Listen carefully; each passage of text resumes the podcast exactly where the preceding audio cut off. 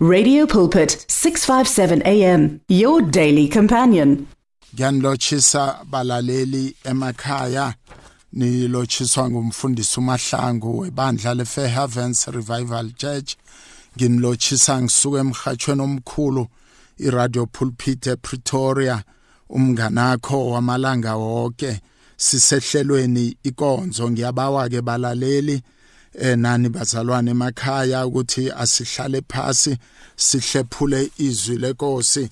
Ngifuna namhlanje ukukhuluma ngesihloko esithi the bondage of sin ukubotshwa sisono noma ubudisi bokubotshwa sisono.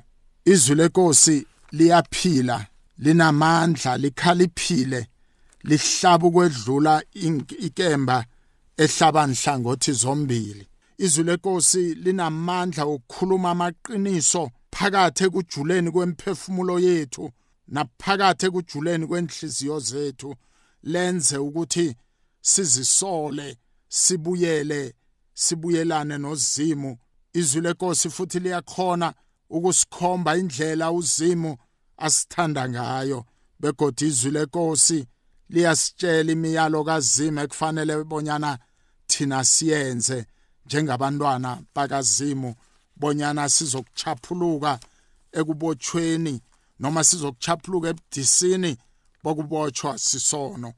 Ngifuna ukufunda msinyana izwi lenkosi encwadini yokuthoma kaJohn eh isahluko 3 verse 8 efundeka ngalendlela eh incwadi yokuthoma kaJohannes sahluko 3 uverse 8 ofundeka ngalendlela loyo owenza isono ngewakasathana ngombani usathane uyona kusukela ekuthomeni?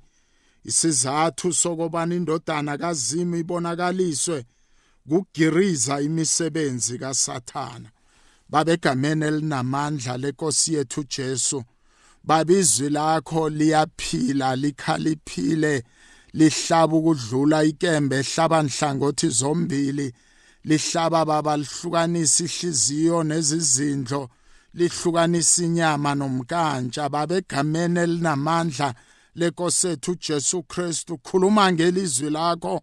Ngathi uyathoma ukukhuluma khuluma ngathi ngekhe usaphinda ukhulume. Khuluma baba usiqondise khuluma baba usiyale ngendlela ethandwa nguwe egameni elinamandla lenkosethu uJesu Kristu. Amen and amen. Izwi lenkosi lithi sizathu sokuthi indodana yomuntu ize bekuwukuthi lizokuphelisa ligirize lishabalalise ishabalalise yonke imiberego yomumbi noma imiberego kaSathane. Elithizwe lenkosi nasilifunda lithi loyo nanoma ngibani bazalwane noma ngimi noma nguwe ulaleleko lithi loyo wenza isono ngewakaSathane ngombani usathana uyona kusukela ekuthomeni? Sizathu sokuthi indodana yomuntu ize izele bonyana izokugiriza imisebenzi kaSathane. Msebenzi kaSathane ukuphakamisa isono. Msebenzi kaSathane iphakamisa ukwenza okumbe ephasini. Imberego kaSathane ukuphakamisa ukungamlaleli uzimo. Imberego kaSathane ukuletha ukurarana emakhaya. Umsebenzi kaSathane ukuletha ukulwa emphakathini. Umsebenzi kaSathane ukuletha ukuzondana nokungathandani. Umsebenzi kaSathane ukuthatha abantu abatsha ubafake kunyawupe imisebenzi kaSathane imisebenzi emimbi e, e, ezele ukuchabalalisa iphasi. Imisebenzi kaSathane imisebenzi eletha ukuthi kungabi nokuthula emakhaya nephasini. Msebenzi kaSathane yinto eletha ukungathokozi empilweni zethu. Sathane phakamisa isono. Sathane uloholela abantu esonweni. Sathane ususa abantu ekumlaleleni uzimo abenzise into ethandwa nguye. Sathane uzele ukuzokuchabalalisa sathane uzele ukuzoqeda ithabo. Imberego kasathane mimbi.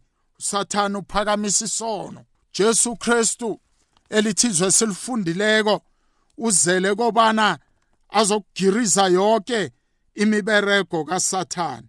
Jesu Kristu uzele ukuzokugiriza konke uSathane akwenzako okubanga isono. Jesu uzele ukuzokususa izono empilweni zethu. Ngakho isihloko engikhuluma ngaso sithi the bondage of sin.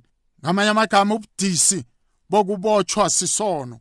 Nawudla isono ubotshiwe. Nawenza isono ubotshiwa. Kunakuthokoza empilweni yakho. Kungabonakala ngathi kuhla okwenzako kodwana hlale wazi bonyana ubotshiwe usigqila uthwele uthwele ihlazo uthwele isono uthwele imisebenzi kaSathane elithi izwi lenkosi loyo owenza isono ngewakaSathane. Ngikholwa ukuthi ukhona umuntu namtshana umlaleli namkha umzalwane ofuna ukutshelwa ukuthi yena ungwakaSathane kodwa uyathanda noma uthandi nawenza isono izwi lenkosi is very clear ungowakaSathane awusuye kazimu. Noma wena ungazitshela uthi wena usuye kaSathane ungwakazimu kodwa izenzo zakho ziyakuthatha zikubeke kuSathane zikwenze ukuthi ube ngewakaSathane. Bazalwane asibuyeleni kuKristu Jesu sijamelane nemisebenzi kaSathane ephakamisa isono. Bazalwane ukukholwa noma impilo yobuKristu siyo impilo yomuntu ekufanele ayiphile engathi uphila ukukholwa ngoba ubuKristu nokukholwa akufani. ubuKristu kuphila wenze njengoKristu utshalwe emuntwini uJesu Kristu. Zwile Nkosi esilifundako kuJohaniso okuthoma isahluko 5 fundeka ngalendlela uverse 12 loyo nendodana kazimu nokuphila kodwana loyo unganandodana kazima kanakho ukuphila. Zwele Nkosi silifundako bazalwane sithome ngalo lithi loyo wenza isono ngowakasathane ngoba usathane wenza isono kusukela ekuthomeni. Lelizwe silifundako lithi loyo bazalwane onendodana kazimu nokuphila samukeleni uJesu sithola ukuphila.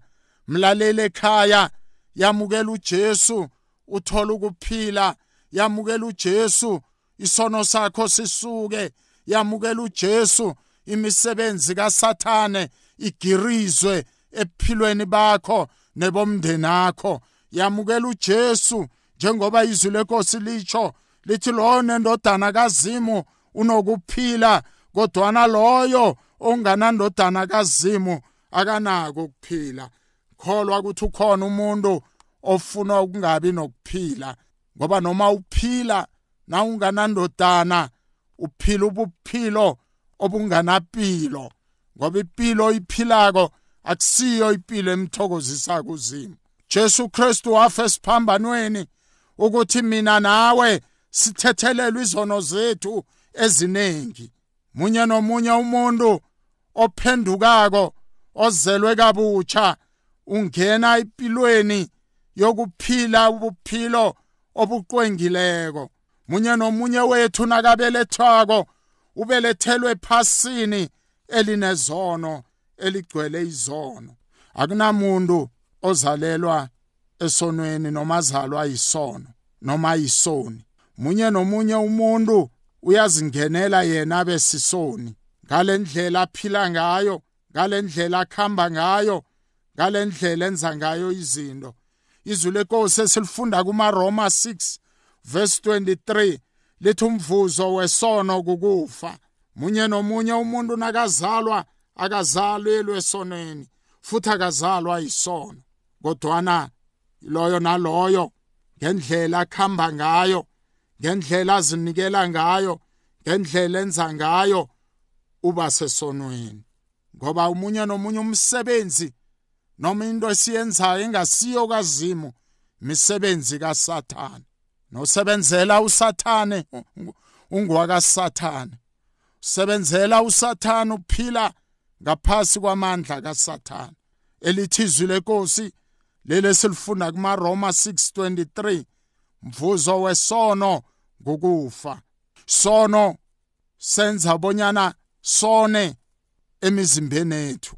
Zwile nkosi kwabasekorinte bokuthoma isahluko 6 uvesi 13 lithi umzimba ungwakazimu. Nozimu ungomzimba ngamanye amagama abazalwane uzimu uyawuthanda umzimba wethu futhi umzimba wethu ubaluleke kakhulu ekumlotsheni uzimu. Nganye amagama umzimba wethu lithempeli lakazimu futhi uzimu uyowuvusa umzimba ngesikhathi sokuqina moya kazimu umoya uqwengileko uhlala kithi uhlala emzimbeni yethu. Mzimba yethu hlanganisiwe noKristu ngokomoya. Mizimba yethu bazalwana kusiyo yokwenza isono kodwana ngeyokulotsha uzimu simphazimulise ngemizimba yethu.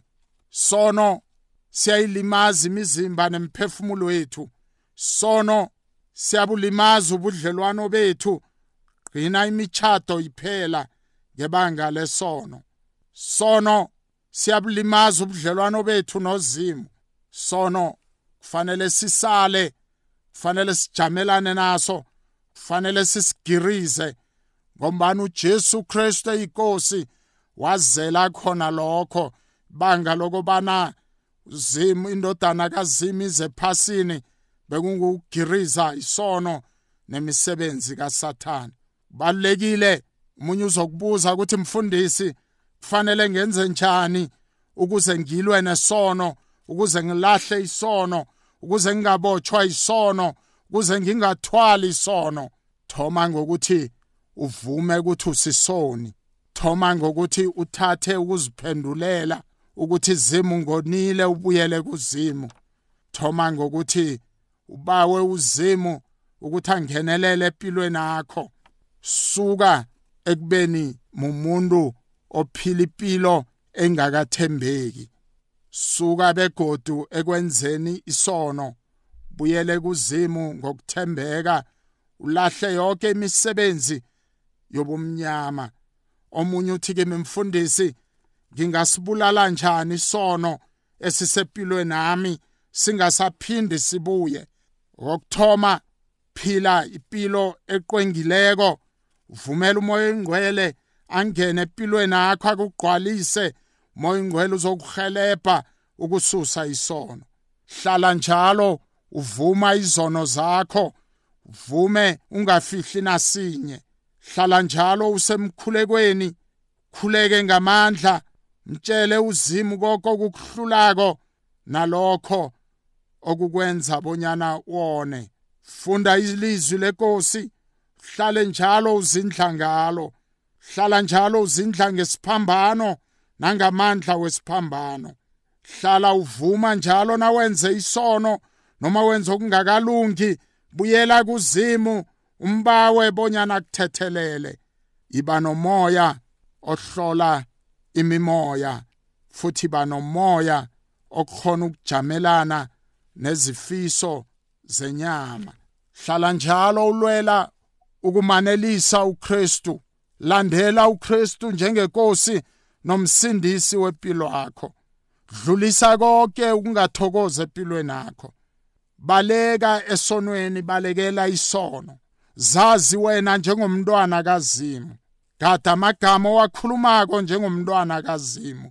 Mdumise uzimu umbonge ukuthi uzimu ukukhululile ukususile esonweni. Izwi lenkosi nasilifunda encwadini kaJohn kaJohannes 8 sifunda uverse 11 Jesu uthi ungukukhanya kwezwe uthi yena uyindlela neqiniso nokuphila. Wonke obalekela kuye thola ukuphila. Obalekela kuye uthola indlela efaneleko. Balekela kuye uthola iqiniso. Balekela kuJesu uthola ubuphilo. Elithi izwi lenkosi onendodana unokuphila. Namhlanje ngifuna ukukhuleka nalabo abathi mfundisi ngibotshiwe sisono. Mfundisi ngifuna ukukhululeka. Angisuyo kwasathane ngifuna uJesu Kristu namhlanje angamukele njenge abe yinkosi nomsindisi wempilo wami phakamisa izandla lapho ukhona. Khuleke nawe msinyana. Jesu wethu abe nomusa kuwe. Babe egameni elinamandla lenkosi yethu Jesu. Uthi baba inkosi uJesu yeza kuleli lizwe ukuthi izokugiriza imisebenzi yobumnyama zokugiriza imisebenzi kaSathane.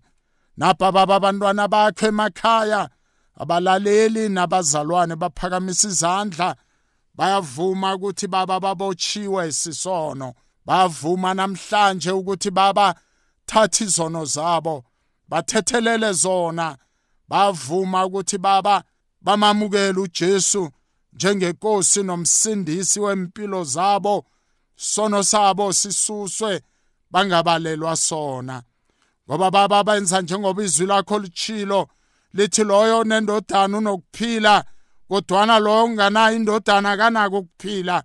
Baba bakhetha ukuphila. Abakhetha ukufa. Bakhetha ukuphila namhlanje. Bafuna indodana ingene phakathi kwabo. Ngiyabakhulekela. Ngelinamandla igama lenkosi yethu Jesu. Baba yehlisela umoya wakho ingqwele wehlele phezukwabo ubagqwalise ngiyabachaphulula ekubotshweni isono ngiyawaphula amandla esono ngiyawaphula amandla okona ngiyawaphula amandla wemisebenzi kasathana phezukwempilo zabo. Ngikhuluma baba ukusindiswa ngikhuluma baba ukuvikeleka phezukwempilo zabo. Ngegama nangegazi likaJesu okungenzeke ebantwini baba kuwe kuyenzeka. Bathethelela izono zabo baphilise baba imphefumulo yabo egameni elinamandla lenkosi yethu Jesu. Baba siyakwamukela wena Jesu Kristu njengenkosi nomsindisi wempilo yethu elithi izwi lenkosi. Jesu wazela khona lokhu ukuthi azokugiriza imisebenzi yobumnyama. Ngiyayiphula imisebenzi kaSathana empilweni zethu. Ayinalungelo phezukwempilo zethu. Thina baba singabasindisiweko siphila ngokukholwa. Asisibo bokuhlehlela nyovana sibuyele ekubhujisweni. Gameni elinamandla lenkosi yethu Jesu. Amen and amen. Hallelujah. Eh na umfuna ke umfundisi. Ukuthi eh akhuleke nawe noma ke akusize ungamfonela umfundisi kule number uthi 0729873673 gameni elinamandla lenkosi yethu Jesu amen and amen hallelujah The words of the Lord are words of life. Your heart is on 657 AM. 657 AM. Radio for believers in action.